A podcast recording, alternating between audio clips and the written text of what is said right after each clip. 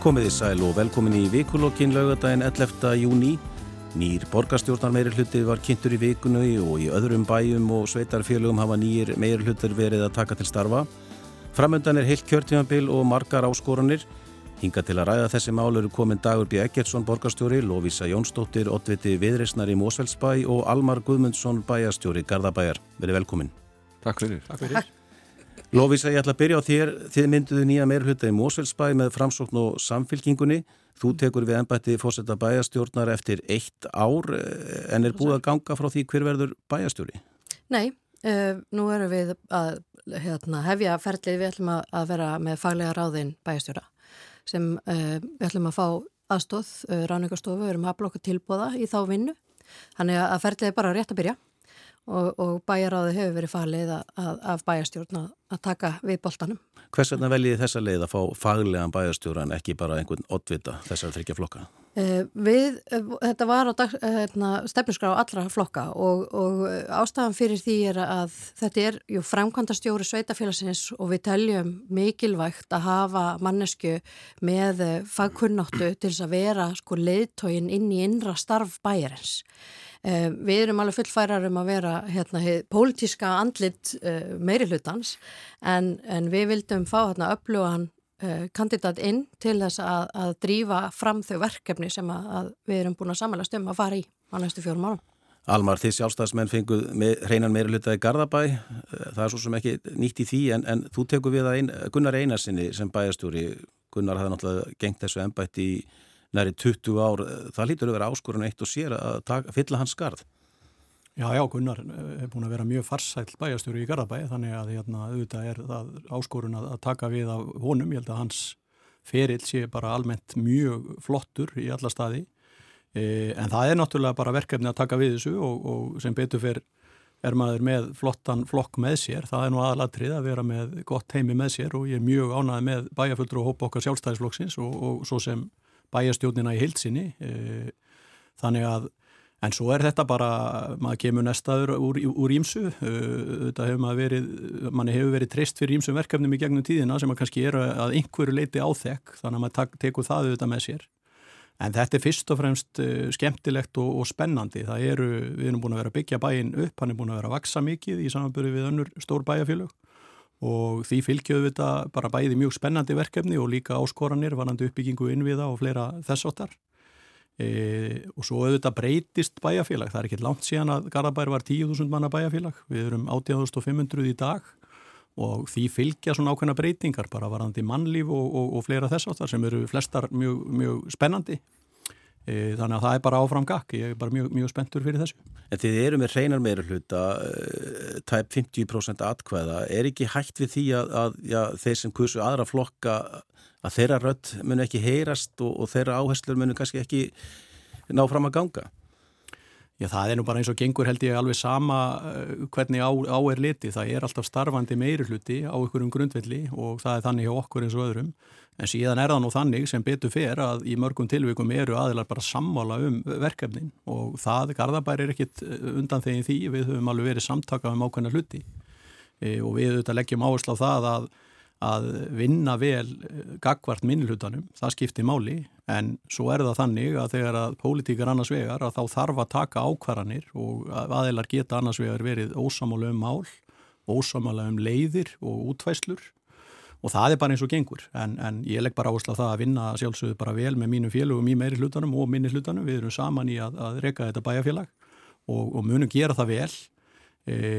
En auðvitað er það þannig að áherslur okkar er ekkit alltaf þau sömu áherslu minnislutaflokkana og, og, og það er ekkit öðruvísi í Garðabæ heldur en í öðrum sveitafélagum. Nei, dagur, uh, þið kynntu nýjan meiri hluta núna í byrjun vikunar.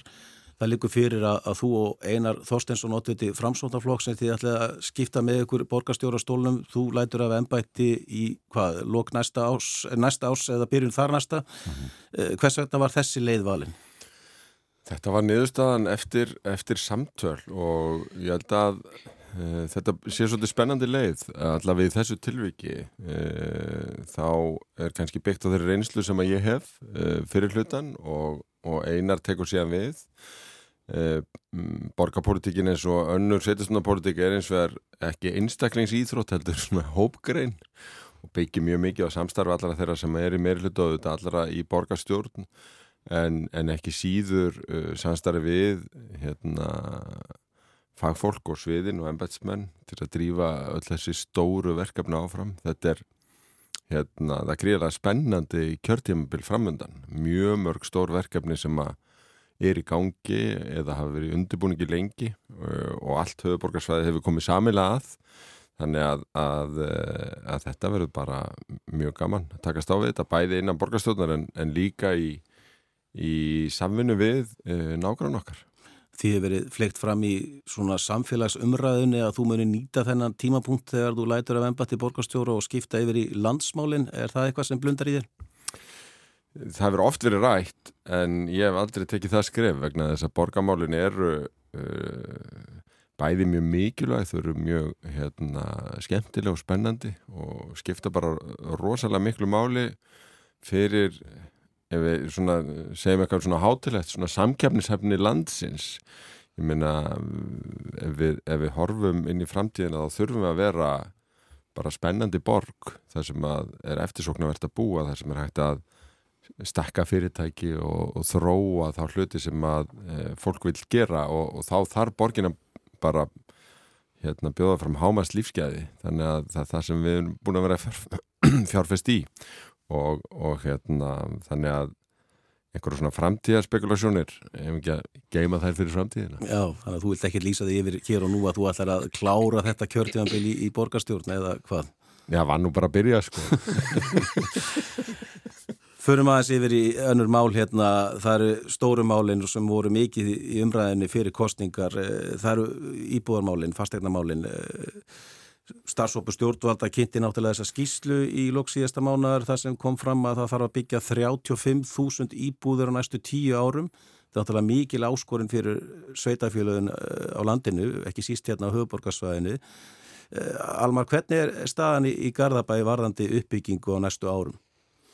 Já, hún náttúrulega ef við förum örlítið aftur og þá er það náttúrulega þannig að því að Lófis er hérna líka að Garðabær og Mósilsbær hafa, hafa hlutvarslega verið að vaksa raðast af e, sveitafílugunum á höfuborgarsvæðinu, við horfum 6-8 ár fram í tíman, aftur í tíman. E, á síðast ári ógs Garðabær raðast af þessum sveitafílugum og við erum bara með áframhaldandi plön e,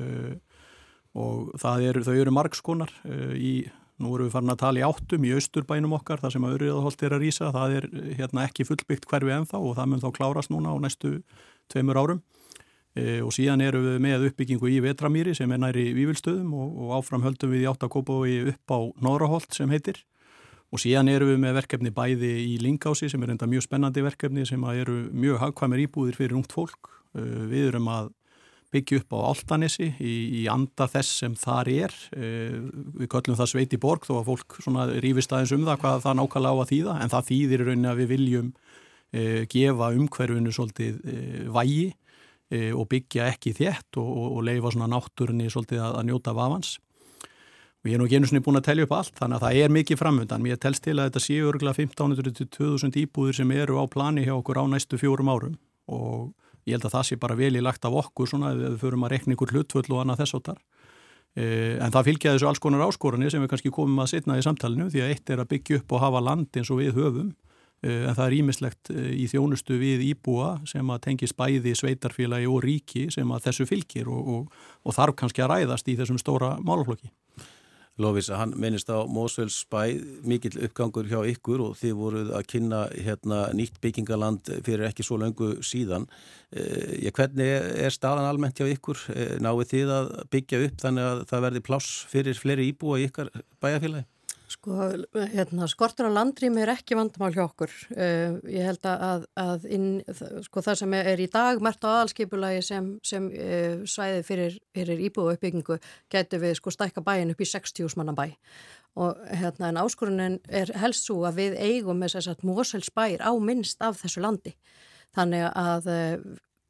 eina af þeim áskonum sem við stundum fram með fyrir í uppbyggingum eins og til dæmis blikastæðalandinu. Það sem er gert er ráð fyrir sko bilinu 3700 til 3800 íbúðum cirka bát. Að, að hérna, það er að semja um uppbyggingu þessara innviða því að það er alveg rétt að sem að, að sko Almar segir að, að það er ekki nóg bara að byggja upp íbúðunar sko það þarf að, þarf að þjónusta fólki sem þanga flitur og þau þekkja það nú um mitt í Garabænum að, að, að það, þar allt í hennu kom íbúa, íbúa samsetning sem þau átt ekki von á inn í, inn í hverfið og, og, og er ekki með innviðina fyrir þá íbúa sem þáka söpnuðust eða í Vesturbænum í Reykjavík. Og þannig að við höfum, til, eh, við höfum allavega verið heppin með það frá uh, svona síðustu, síðustu misseri að það hefur gengið ágætlega. Eh, við stöndum fram með fyrir öðrum áskorunum eins og, eins og önnur bæjarfélag með miklu húsnæði og, og, og eitthvað svona sem þarf að taka til hendin í þannig að allt takkmarkast þetta jú við hvað fjármagn við höfum. En, en mitt eh, dagur, það kom náttúrulega fram í stefnusgrá nýja meirhlutans að það verður sett aukinn kraftur í uppbyggingu og höfuborgarsvæðinu en eins og þau hafa verið að minnast á þá kallar þetta á annan kostnaði þessa innviða uppbyggingu. Eh, hvernig ætlið það að fara þessu? Já, ég get bara tekið undir með félögum mínum og kannski býr höfuborgarsvæði hilsinni að því að við lögðumst yfir það e, já, kringum 2014-15 e, að, að spreita okkur á því sammeila að koma fyrir e, sko fólksfjölgun á svæðinu på 70.000 manns. Það var það sem við vorum að spá til 2040 en þessar nýju Eh, nýju tölu frá húsnæðis og mannekjastofnun er í raun að segja okkur að þessi þróun er að gerast hraðar og þessi fjölgun er að verða fyrr. Og það þýðir þá það bæði að það þarf að tefla fram svæðum til þess að byggja á og, og uh, það hefum við sett fram að miklu leiti en líka flýta þessum sem hafa verið kollu framtíðarsvæði sem eru þó komin býstna nálat okkur. Kjeldnaland, Kjeldnaholt, eh, Blíkastadaland og allt hangir þetta ekki bara á því að, að einhverjir fara á stað og byggja hús, heldur þarf að vera með innvið, sérstaklega samgöngu innviði e, og, og þar erum við með þennan samgöngu sáttmála höfuborgarsvæðisins sem að, sem að e, skiptir þá líka máli að, að reyfist í takt við þetta. Ef að höfuborgarsvæði er að þróast hraðar þá þarf að reynda samgöngu sáttmálunum hraðar í framkvæmt Eh, það sem snýra okkur er þá að við þurfum að huga að skólamálum, við þurfum að huga að, bæði leikskólum og grunnskólum, við þurfum að huga íþróttamannvirkjum og það er mjög margt sem hangir á þessari spýtu. E, sko ég er alveg fyrir það í árbænum að, að þá sko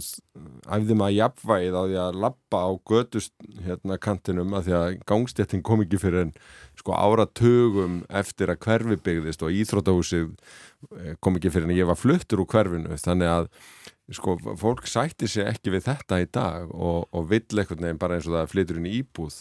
þá þýðir ekkert að býða eftir fermingu yngstabatsins e, með parkettið eins og eins og það maður sjálfur allast upp heldur átt að vera tilbúð og saman með hverfin þannig að þetta er, þetta er heilmikil áskorum fyrir sveitafélugin sem að, að þau að venga síður uh, staði bara bísna vel að en þegar það á að gera markvælt meira enn í meðalári að þá verður áskorunin bara í réttul hlutvalli markvælt meiri En Lúisa, er, er þetta kostnaður og eðlilegt að sveitafélugin einu sér sjá um þetta allt saman? Þar ríkið að koma með meira öflúra framlag til þess að þessi uppbygging megi takast vel? Já, ég held að allt sveitarfjöldar fólk sé sammála um það að, að sko, sveitarfélögum eru setta skorður með tekiöflun. Eh, þannig að, og þeir eins og dagur bendir réttilega á, sko, nú vil fólk hafa allt saman tilbúið þegar það kemur í hverfin eh, og, og við erum bara, við erum að straggla með að geta, sko, verið með þjónustu til dæmis við fatla fólk á því plani sem að við viljum hafa það. Eh, þetta hefur bæði náttúrulega hafa kröfur aukist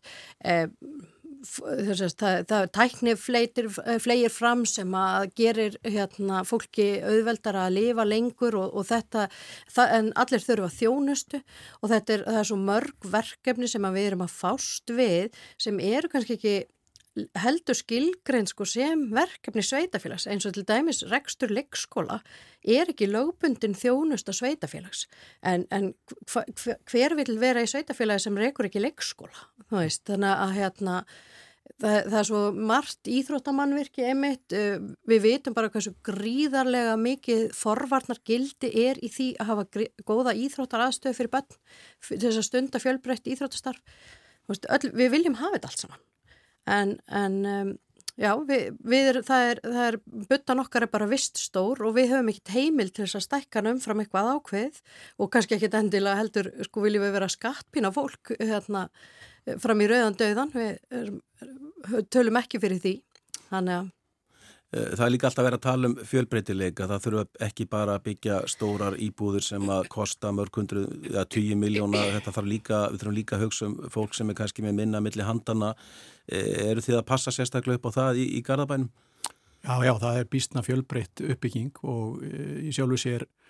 eins og bara hefur gerst, það er mjög mikið að barnafólki sem hefur hlusti í Garðabæi á undanfjöldum árum. Og það er vegna þess að við hefum haft frambóð af íbúðum sem að passa fyrir þennan hóp Þess vegna erum við núna í myndalegri uppbyggingu á leikskólum til þess að mæta þörfum þessa fólk sem eðlilega eins og Lóisa nefnir. Við erum með leikskólan og viljum gera þetta vel og hjá okkur höfum við til dæmis bara sagt erðu, e, við keppum að því að, koma börnum inn á leikskóla við 12 mánuða aldur og e, þannig að þróunin í Uriðaholti sem dæmi, hún endur speklar þetta og auðvitað eru að gera ímislegt. Í Uriðaholti sem dæmi erum við með íbúðir sem að, sem að bjarg og búseti koma að og, og þannig að við, við erum að, að og Urriðaholt í, í sjálfu sér e, karakterin á því sem er nú þetta einstakur ef við, ef við skoðum hérna, umhverfismál og, og sjálfbærni e, en það er líka kannski einhverjir utanfrá myndu segja. Þetta er aðeins út úr karakter Garðabæjar sem ég endar ekki alveg sammála vegna þess að uppbygging Garðabæjar hefur í rauninni verið mjög mikið í fjölbíli ef við horfum síðustu 8-10 ár. Þert að það sem að kannski míturnar pínlíti gefa til kynna ég held líka að, að ef við bara pælum í þessu áfram að það er rosalega mikið þörf sem að við líklega samíl erum ekki alveg að svara í litlu sérbíli. Fólk sem er að minka við sig og annað þessáttar vil verið í sérbíli, mm. jafnvel á einni hæð og annað þessáttar. Mm. Uh, og ungt fólk að einhverju leiti líka og mögulega eru þarfir þeirra að breytast uh, þessi, þessar stóru lóðir og þessi stóru hús eru mögulega ekkert alveg eftirsoknaverð og, og þau voru kannski fyrir 10-20 árum síðan Þannig að þetta er náttúrulega bara fjölbreytilegin í skipulagi að við erum alltaf að elda ykkur á þarfir og það eru auðvitað breytast yfir tíma. En ég, mér finnst að við hafa staðið okkur vel í því að bjóða upp á fjölbreytt úræði og við ætlum auðvitað að halda því áfram og þá er líka bara verkefnið sem er svona kjarnin í þessu öllu saman að, að það byggjast upp hverfi og, og það er alltaf karakter. Og við höfum bara lagt svolítið upp með það að, að vanda okkur í því að, að skilgreina hvað eru við að búa hérna til, hvers konar umhverfi ána þessartar og aftur að, að hérna auðvitaðholtinu sem við erum mjög stolt að, að því að það er náttúrulega sem að svo sem á ekki bara við um Garðabæ þetta er allstaðir á höfuborgarsvæðinu það er svo stutt í alveg einstaka náttúru. Og ég finn bara fyrir því hvaða er mikil köllun eftir því fyrir fólk og það er bara eldu auðvitað lífskeiði að búa í námynda við náttúruperlur, búa í námynda við frílistraunin og við höfum verið að vinna mikið af, við erum með mjög mikið af frílistu landi. E,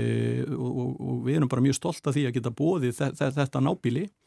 en áskorunin aftur eins og, eins og við eh, fórum yfir á þann, það er, það er að byggja upp innviði og annað þess áttar og, og það sem er ekki búið að nefna hérna varandi það, að það eru auðvitað, ef ég má orða það þannig, hinnendin.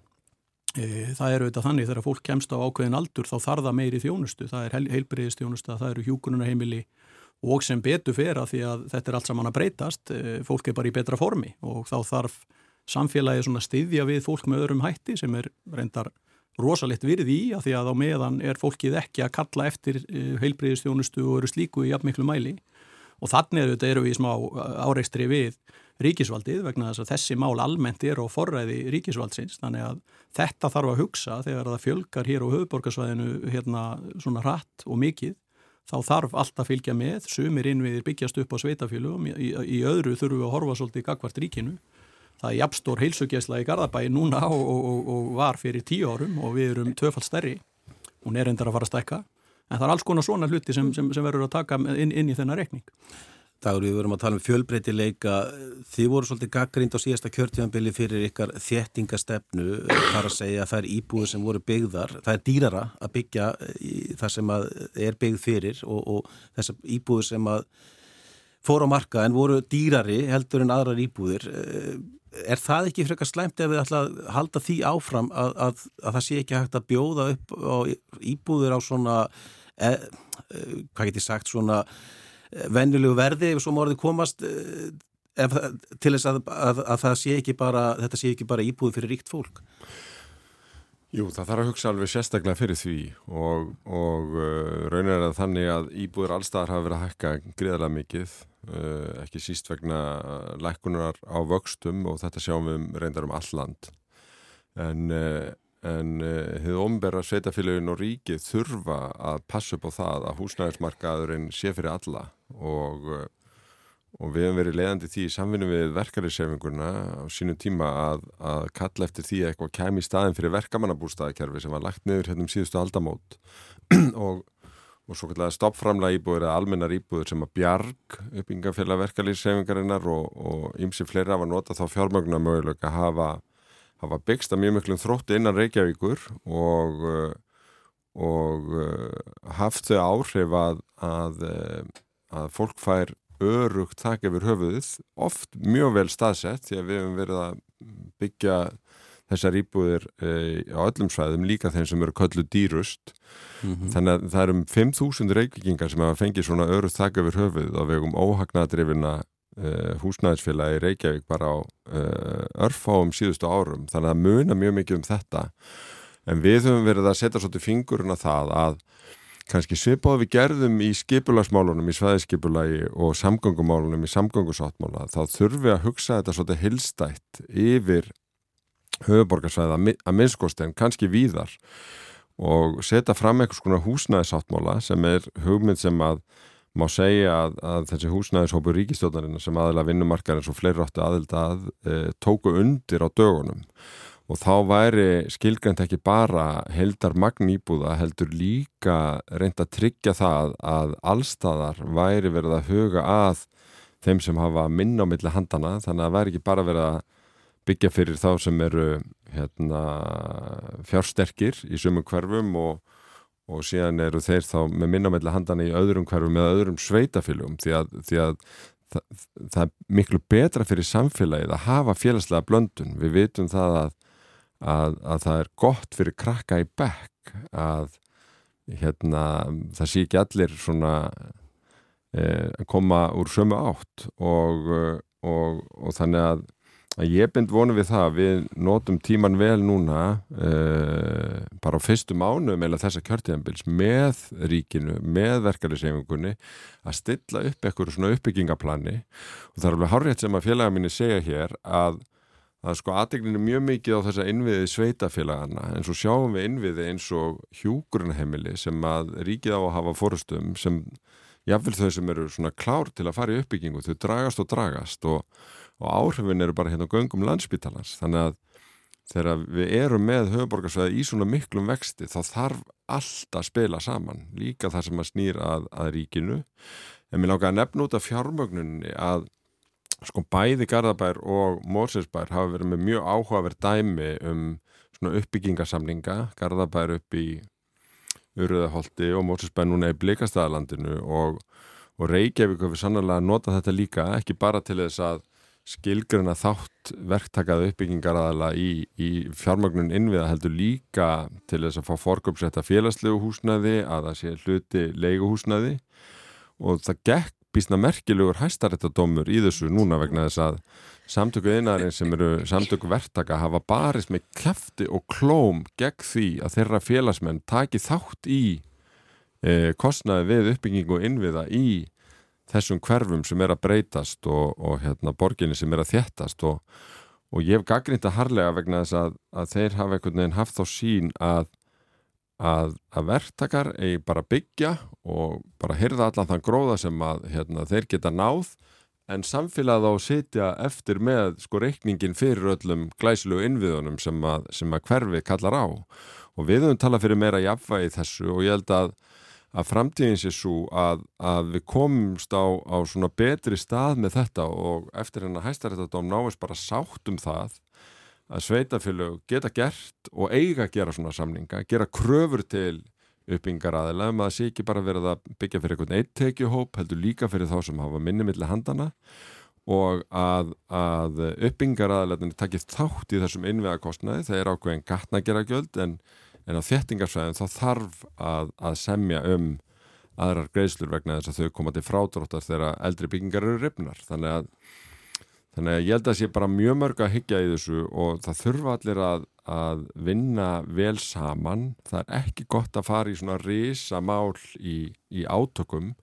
Í þessum dómi var það sem var í húfi voru miljardar. En er, er það ekki svo að ef að kostnaður verktaka verður meiri þá þýðir það bara einfallega að þeir velta þessum kostnaði yfir á kaupendur, Lóvísa? En býta aðeins, sko... Uh,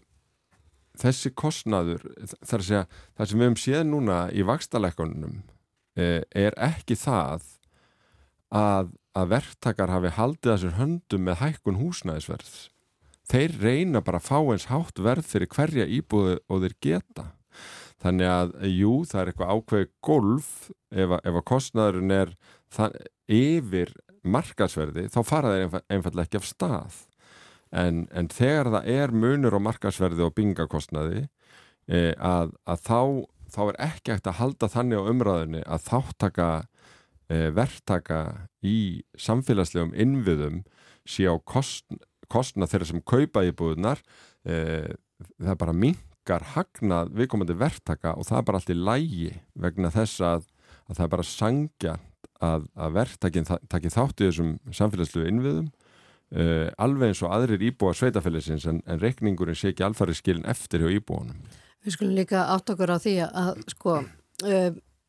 án, án þáttöku í þessu innviða uppbyggingu þá verða þessi hverfi bara einfallega ekki til. Þannig að uh,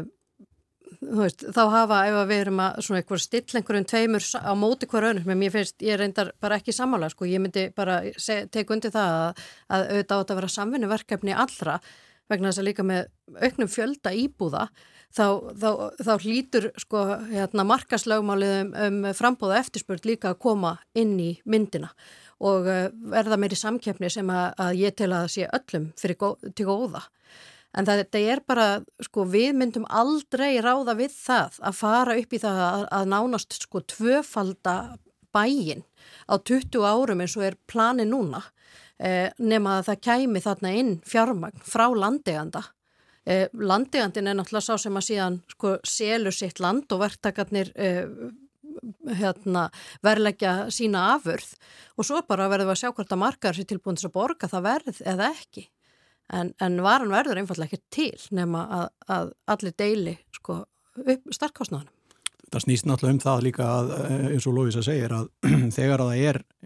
eignarland um að ræða þá verður auðvitað sveitafélag sem hefur auðvitað með skýrum hætti skipulasvaldið að semja við viðkomandi aðila. Mm. og þá koma allir þessi, þessi hlutir upp á borðið sem eru bara mjög mikilvægir. Hvernig á að standa á uppbyggingunni, uppbyggingunni? Hversu hröða hún að vera, hvaða innviði þarf og fleira þess áttar, þannig að við erum strax farið inn í þetta samtal og svo má ekki gleyma hinnu sem er að við auðvitað eigum líka sveitafélagin okkar eigið land. Og það er mikill ábyrðar hlutur hvernig því er útlutað og að því að markasvirði hérna, það, það er fyrir hendi. Við vitum að lóðir eru dýrar vegna þess að á endanum eru, eru íbúðaverð sem við getum þýtt yfir í lóðaverð með einhverjum hætti. Og ég fæst undir spurningan ætlað þú ekki að útluta lóðir til íbúða? Og ég segi jú, ég var alveg til í það en mér er alls ekki sama um það fyrir hönd Garðabæjar hvernig það er gert vegna þess að þá er ég að útluta verðmætum til einstaklinga sem í sjálfu sér er bara fallegt og þá getur fólk mögulega byggt uh, ódýrar og svo framvis en hvað gerist ef að sá sem hefur þennan uh, byggingarétt snýsir við og, og selur þetta áfram? Á síðan miklu hæra verði. Þannig að það er alls konar hlutir í þessu sem að verður að, að passa mjög vel upp á. Þannig að hinn fallega hugsun sem að uh, ég held að við trúum öll á að, að reyna að hjálpa ákveðnum hópum það er mjög mikilvægt að þetta sé rammað rétt og skipulega inn vegna þess að þarna eru verðmæti og það er mjög stór ákvarðun fyrir hvaða sveitafíla sem er að aðfenda svona verðmæti og það verður þá að vera mjög skýr hugsun og rammi utan það til þess að koma í vekk fyrir. Og það er kannski það sem dag að vera að segja þetta náðan að þetta er ykkur virðiskeðja. Á endanum er markasverð sem að e, lítur sínum eigin lögmálum í sjálfu sér frambóða eftirspurn og það allt saman. E, byggingakostnaður og undirlíkjandi kostnaður hefur áhrif en þetta er allt hérna, eitthvað, eitthvað sem eldir virðiskeðinu og fyrir hönd sveitafélag að verði við svolítið að standa först á því herðu, það verður að vera eitthvað kontról á því hvernig innviðir byggjast upp samhliða þessu vegna þess að það er þjónustan sem kalluð er eftir. En er það nú kannski önnur umræð og við getum hérna á þess að ég sé að bóða það þá, þá þarf bara að velta því fyrir sér í ykkur, ykkur stærra samengi að svona uppbyggingi heilsinni, hún er ákvæmlega dýr fyrir samfélagið. Og það er í raunni, við getum alltaf sagt, er það á ekki ríkið að koma og hjálpa okkur? En e, það eru peningar sem að borgarnir borga þá eftir annari leið. Og maður getur alveg á, á sínum verri dögum haft bara hreinlega áhugjur á því að við séum að gera almennt bara allt og miklar kröfur. uh, við þurfum þá að hugsa það til enda hvað, hvað, þýðir það bara varðandi það hvernig við fjármögnum hluti og annað þess áttar en sem betur verið er Ísland þannig að við okkur hefur tekist, hér hefur bara verið farsælt og hagvöxtur sem að hefur staðið undir þessu En ég held að það sé mjög holdt fyrir okkur að hafa þetta í huga eftir því sem við förum áfram og talandu um höfuborgarsvæði staðbundið sem er í gríðalögum vexti. Þá verðum við að hugsa á þessu nótu líka. Við sitjum hérna Almar Guðmundsson, bæjarstjóri Garðabæjar, Dagar B. Ekketsson, borgarstjóri og Lófísa Jónsdóttir, Ottviti viðreysnar í Mósfellsbæ. Þið eru búin að ræða aðeins þessa tekjustofna sveitarfélaga. Nýlega kom nýtt heildar fastegnamatt eh, á Íslandi og það hækkar um 20%. Þetta hefur auðvitað áhrif á fastegna gjöld. Eh, nokkur sveitafjölu hérna á höfuborgarsvæðinu Kópa voru hafnafjörður hafa þegar lísti yfir ef ég maður rétt að þau ætli ekki að hækka eh, eða láta þetta hafa áhrif á fasteirna gjöldin eh, hvernig er ykkar stefna í Garðabænum? Já, hún er bara þessi og það hefur bara komið fram og kom fram strax við, við þessa fréttir að við hekjumst lækka sem sagt útrekni prósenduna, álegninga prósenduna á móti því að, að stopnin hækkar með þessum hætti Og það hefur við svo sem gert undanferðin ár og, og, og við bóðum það bara strax þegar þessa frétti komu. Þetta er náttúrulega óvinnu mikil hækkun að, að við myndum halda við þá stefnu og hún er mikilvæg og, og vinsæl á meðal okkar, okkar íbúa. E, hitt er hann að mál e, að það verður nú bara að fara í það að skera svolítið upp þennan, þennan þátt, þessi fastegnagjöld. Það, það, það er ekki skinsamlegt E, að vera með álægningu ofan á stopn sem er svona kvekur eins og, og fastegna matið og í rauninni þá bara fastegna verðið hefur verið. Ég held að það sé bara óþægilegt. Þetta er gjaldtaka sem eru þetta bara hérna í lögum og, og okkur og þetta er einna likil tekjustofnum sveitafélaga en það er ómikill óróleiki í kringum þetta þannig að ég er talsmaður þess að, að þetta verði endur skoða. Við finnum ykkur að leið til þess að að tryggja það að það sé ekki bara sjálfstætt verkefni frá ári til árs hjá sveitafélugum að passa upp á það að einhver hækkun skilir sér ekki á, á reikningin til, til íbúana því það á ekki að vera þannig e, umframögulega einhverja verðlasækkanir eitthvað, e, eitthvað þess áttar. En það líkur samt fyrir að verð er að hækka víða og hérna, það er dýrtíð í landinu svo má orðið komast og, og við munum bara sjá frekari verðhækkanir á næstu mánuðum segja sérfæðingar. Hvernig ætlið þið þá að auka ykkar tekjur til þess að til þess að passa það að, að, að sveitafélagi verði ekki reykir hinnlega með halla. Nei, ég meina þetta tengist eh, alveg, alveg klálega. Vi, við höfum þess að sagt það er eðlilegt að við séum ekki að taka meira en okkur ber í þessu. Þess vegna viljum við lækka álækningaprósentur á móti. Eh, það er síðan sér umræða hvort að menn gerir það upp á punkt og prigg og ég ætla nú ekki að þreita hlustendur á hversu flókið þetta er ef við förum síðan í smáatrið. Því að Garðabær eru 6 eða 8 svæði í fastegnamatti ef ég maður rétt við erum bara með eina, álagningaprósentu til þess að, að vinna á mótið þessu þannig að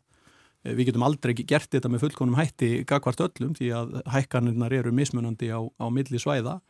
En, það, en þú veist, ef við förum bara aðeins í þessa kostnæðarhækkanir og bara launahækkanir undanfærin ára, þær eru þetta fyrir alla, hvort sem það eru fyrirtæki eða, eða sveitafílu eða ríki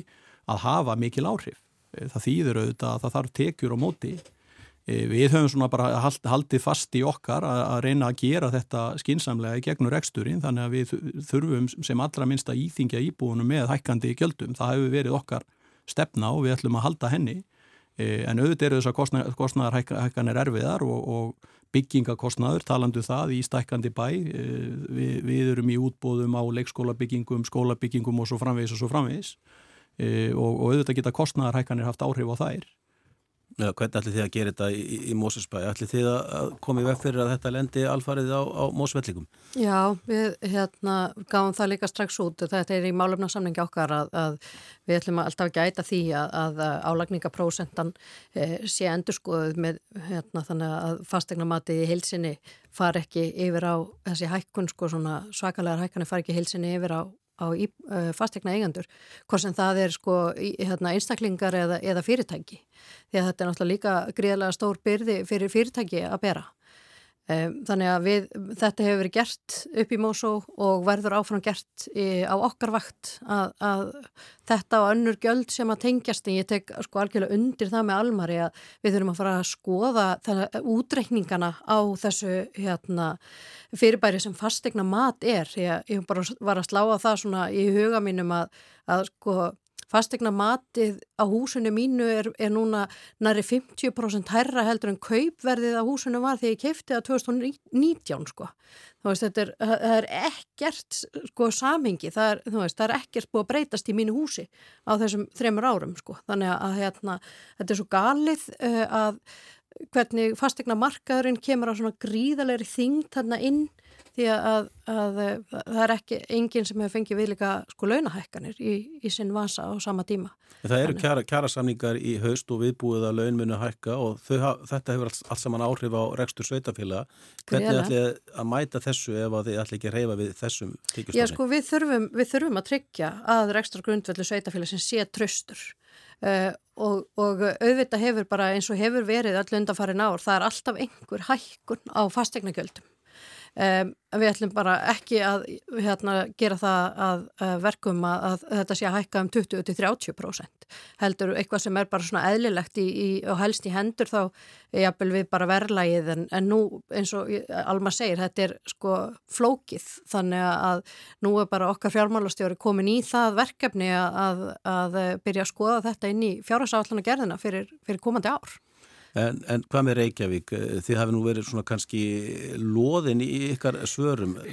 Þetta Nei, verið... skiptir máli fyrir fólk að reikningar hækka um 20.000 á ári ef ekki verið bröðust við þessu. Nei, við hefum verið nokkuð skýr. Við erum þegar með uh, einhver legstu gjöldin þannig að við búumst ekki við því að lækka álækningar en frekar. Uh, og, og hérna ég held að sveitafélagin almennt sé að komast svona í tölur sem eru svipaðar og Reykjavík hérna á höfuborgarsæðinu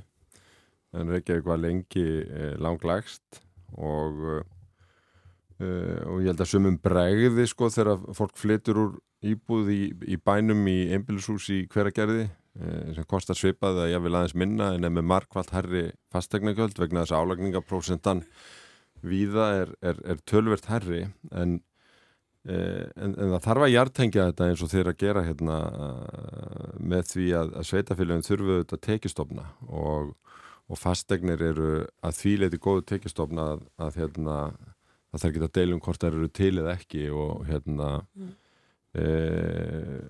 ég, ég sá þessum meðal meðaltölum að, að meðal fastegna íbúða eigandi Reykjavík Að, uh, hækkunin á eigninni uh, með þetta mat er um 11 miljónir þannig að eigna virði fólks er þá að meðaltala hækka um 11 miljónir og af því hvað erum við að, að borga til samfélagsins að meðaltali? Það er 20.000 krónur á ári. Þannig að þeir sem eiga sína íbúð uh, eignast 11 miljónir til við botar og borga því 20.000 krónur á ári og, uh, og sko ef við, ef við tölum um bara þá hópa sem við ættum að hafa mestar ágjur af á húsnæðismarkaði við þessar aðstæður eru kannski ekki þeir sem eru komnir inn í sína eigin íbúð, heldur þeir sem eru að reyna að komast inn á markaðin og, og þeir sem eru á leikumarkaði uh,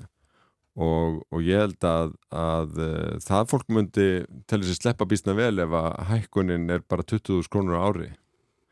Þannig að, að, að mér finnst svona svolítið hlaupið beint í þetta á þess að taka með að því hvað uh, álegningar hlutvöld fastegnaskatta sem er 0,8% í Reykjavík er raun orði látt uh, og það þarf að, að skoða þessa heldamind bara tekjustofna, hvernig viljum við fjármagna sveitastunastíð, hvað eiga fastegnegundur að borga, hvað á launafólk að borga, er einhverju aðri tekjustofna sem verður betri eiga sveitafélagin að fá hluta fjármagstekjusköttum nú veitum við að ákveðin sveitafélag uh, lendir því að vera með mjög veikan útsvarstofna því að það eru sterkafna fólk sem býrðar í stórum hópum sem eru fyrst og fremst með fjármagstekjuskatta þarf að aðeins að endurhugsa þetta eða e, eða getur verið skynsanlegt að flýta því að, að sveitafélagin fá til sín hlut af gistináttagjaldinu sem að tengist bara komið ferðamanna veist, eru, eru fleiri hérna, einhverjir tekistofnar sem verður betri heldur en þessir ef að, ef að fólk er almennt á því að, að þessi sé gallaður? E, þetta þarf að ræða vegna þess á sama tíma og, og við erum í þessar umræði þá erum við líka að sjá að það hallar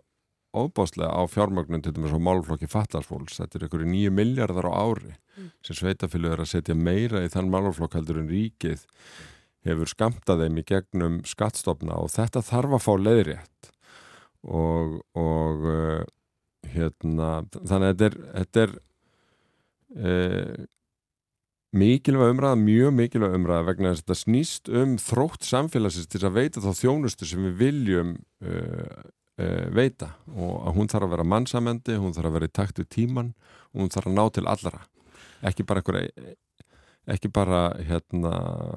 þeirra sem hafa mikið úr að spila, er líka til þeirra sem búa við föllun eða hafa minna millir handana. Höfuborgarsvæði náttúrulega hefur verið að breytast gríðarlega mikið á undanförtum áratugum. Við erum að sjá að Reykjavík og Mósusbær eru að renna saman hérna með nýju byggðinni sem á að reysa þar. Eh, saman má segja náttúrulega um eh, Garðabæ, Hafnafjör, Kópavó og þetta er orðið bara eitt samfelt eh, íbúða svæði. Er kannski komið tími á það umræðu að, að að samina þessi sveitafjölu með einhverjum hætti, Almar, hvernig myndi þið lítast á það? Ég líst ekki neitt á það með allir virðingu fyrir okkar kæru nágrunum. Ég held í runni þessi umræði tvíþætt og við erum búin hérna í þessu spjalli að fara eins yfir höfuborgarsvæði og það er ekkit ólíkt ef við tökum bara Norðurland eistra eða veljum okkur einhver landsvæði. Það eru þetta þannig að sveitafélug saminast um ákveðna hluti. Mér er að það er lögbundið hjá smæri sveitafélugum að þau varandi málunni faltars fólks en dæmi að þau þá nýta sér e, þróttin sem býr í stærri hérna, ná, nábílis sveitafélögum út á, út á landi. E, ég myndi horfa á þetta þannig að það er mjög mikilvægt í ákveðnum atriðum. Svæðiskipulag er eitt, e, samgöngumál er annað e, og það er ímislegt sem að varðar Ég sé til dæmis í velferð, velferðarþjónustu er bísna gott samstarf á meðal e, hérna, sveitafélagun og höfuborgarsvæðinu. Það er verið að ræða saman um mál, það er oft mjög sértæk úrræði sem er kannski ekki alveg, það borgar sig ekki að byggja upp á hverjum stað og, og aðeila saminast á um það, það byggjast upp á einu stað og svo er bara kostnaða hlutild og annað þess áttar. Þetta er, þetta er nummer eitt, en svo held ég að sé mjög mikilvægt líka að partur af góðu mannlífi er fjölbreytni og við tryggjum hana svolítið með hæfilegri samkeppni á milli sveitafélaga. Þannig ég er algjörlega þar, ég trúi á það að það sé gott fyrir okkur að hafa svona heilbriða samkeppni á milli sveitafélaga. Það er sérstaða á ýmsum sviðum. Uh, ég hugsa að uh, í, stórumyndin held ég að sína þannig að það líður eiginlega öllum eða langt flestum vel það sem þeir búa og, og, og, og festa sína rætur. Uh, en það er gott að hafa þessa samkeppni. Hún getur snúist um þjónustu þætti, hún getur snúist um hvernig er hugsað um, um tekjuöflun, gjaldtöku og annað þess áttar e, en þegar um er að ræða stærri mál og þar finnst mér nú bara þróunin og höfuborgarsvæðinu hafi verið bísna góð e, að þá er mikilvægt aðilar saminni svolítið um það og mér finnst að það hafi gerst bara með tiltölu faglegum hætti almennt talað. Og svæðiskipulagi er eitt dæmið um þetta það sem aðilar er ekkit í neittni pólitík. Þeir eru bara að ræða saman um svæðið og veltaði fyrir sér hvernig er skynsalegt að hafa plön til, til lengri tíma En ég held að hjálpa okkur að hafa smá aðgreiningu og það sem ég vil kalla samkeppni sem að er nú bara fyrirbæri sem er almennt gott í samfélögum á öllum sviðum. En við sjáum þetta hennum almenna markaði, það eru alveg þekkt að fyrirtæki saminast, það eru hagraðingar aðgerðir, dreyið úr þessum eh, kostnaði. Eh, myndi það ekki þjóna íbúum á höfuborgarsvæðinu að, að, að samina þessi sveitafélag öll sem eru hér í, í bara eitt sveitafélag? Um Ég skal ekki skera úr um það hvort að sammenningu í eitt eða, eða tvö eða þrjú eða hvernig sem það væri, væri. en sko þegar, þegar þessi mál eru rætt þá skil ég svo rosalega vel sko fólki í smarri sveit, sveitafélagunum út á uh, landi sem er hrætt, hrætt við að missa nærþjónustuna og, og svona e eitthvað svona þá ég fá að sletta svona identity að, að hérna að því að mósfællingurinn í mér bara öskrar nei, nei, nei sko aldrei, en svo er líka hérna, ábyrgi fjármálarhlutin í mér sem segir bara vá, við getum sko sparað sko hundruður miljóna á hverjum einasta ári. Eh, í ef að við myndum samina yfirbygginguna stjórnsísluna af þessum sveitafélagum. Það, það er bara klart mál. Það, það er rosalega dýrt að reyka hérna á hérna höfuborgarsvæðinu sex fræslunemdir og sex velferðanemdir og veist, þetta er, þetta er, við verðum að gera okkur grein fyrir því að þessu fylgir kostnar og mér finnst bara ótækt annað en að vera heiðalegur með það. Þannig ef við erum að gera kröfur einhver, uh, út á landi um saminningu þá verðum við alveg að vera tilbútið svo horfið í speilin líka með það. En, en að samaskapi þá, þá segja já, þú veist, því hinn með samanist en ekki við, sko, það kemur alveg upp í mér líka sem einstakling. Þannig að þetta er svona... Það eru, það eru þættir hérna sem skipta mjög miklu máli. Það er til dæmis ekki að horfa á fjármál stærstu sveitafélag Íslands og, og, og, og halda því fram að, að stærðin skili hagkvæmni. Það er bara ekkit í tölunum. Eh, það, það, það er eitt, eh, auðvitað getur það breyst yfir tíma, við veitum svo sem ekkit um það, það eru, það eru hérna vaksandi verkefni og það allt saman og svo er annað sem er, sem er þessi nær þjónusta og það er það sem við upplöfum mjög stert í okkur. Íbúðnir almennt er að svara mjög jákvægt eh, varðandi gæði þjónustu, varðandi lífsgæði eh, og stöðuna á einstökum málaflokkum. Og sveitastjótamáli eru náttúrulega þarna líka og þó að Ísland séu þetta vissulega fáment miða við hinn stærri lönd þá er þetta eitthvað sem skiptir máli. Og, og ég manna forveri minn í starfi Gunnar Einarsson talaði mikið um uh, svona, hvað eru hagkvæmar stjórnsíslu einingar út frá einhverjum fræðum og þetta er sannlega ekkert eitt rétt svar í þessu en ég held að við þurfum að hugsa um skilur þetta sér í fjármálunum, það, alveg, það geta verið sannfærandi rökum það en ef við skoðum stöðuna þá er ekki endilega sjálfkefið að, að, að hún sínir það núna. Og síðan er það þá spurningin um, um nærþjónustuna. Eh, sem að hérna er bara mikilvægt því að sveitastjórnamál eru nær þjónustumál og við eigum að halda því þannig. En hvers vegna þetta var áhrif á nær þjónustu? Við getum til að mynda verið með svona hverfafélug sem núna í dag eru bæjastjórnir. Já, en það er alltaf upplifun, uh, sínist mér uh, og við bara í Garðabæ sem er í sjálf og sér bara lítið mengi í þessu stæra samengi, sko, upplifum þetta alveg. Það er annað að reyka 10.000 manna sveitafélag heldur en næstu 20.000 manna sveitafélag vegna þess að það, það eru aðila sem upplifa fjarlægð hvort sem hún er sannkjöld gagvar þjónustu veitandunum ekki, þá, þá, þá, þá er það þannig e, og mér finnst þetta bara að skipta máli. Við viljum bara veita topp þjónustu og teljum okkur geta gert það í nokkuð hagkvæmi sveitafélagi sem að verður þá á stærðagráðinu rúmlega 20.000 manns e, eftir, eftir 3-4 ár. En ég finnst sjálfsagt samt að við gerum þá kröfu uh, og íbúar gerir þá kröfu að við saminast um þá hluti sem við getum saminast um til þess að draga úr kostnæðinum og það þarf að gerast líka með gagsægjum hætti. Við erum hérna með uh, hérna, samband Sveitafélag og höfuborgarsvæðinu, SSA, það sem er sko sístækandi uh, og hefur aukist mjög sko hvað er verið að gera þar sem er bara af hennu góða og við getum tekið sorphyrðuna uh, sem dæmi um það á síðasta kjörtímanbilið sem að sko tókst loksins að ná svona sátt um það hvernig við ætlum að flokka og, og, en við verðum að tryggja það að það sé gagsægi í kringum starfsemi til dæmis SSA því að og að, að rattir minni, þeirra sem er í minni hluta heyrist þar inni líka því að, að, þetta er svona batteri sem að ég held að fæstir bara e, íbúar á höfuborgarsvæðinu vita af. Já, ég, getum tekið bara undir mjög margt með hérna, félagum mínum. Þetta snýst um það að vera með e, nægilega öflugar einingar til þess að, að hérna, gera allt sem að nútíma sveitafélag þarf að gera og ef við erum bara alveg heiðarleg að þá fellur íslenskar sveitastunastíð kolfellur endar á þessu prófi. Sveitafélag eru allt og mörg og allt og veikburða til þess að að uh, sinna þjónustu og það er horst í augum við það með því að gera bara ráð fyrir því sérstaklega út um landið að þau saminist um ímist þjónustuverkefni og sem þeirra er ekki genið svona í skóla og, og hérna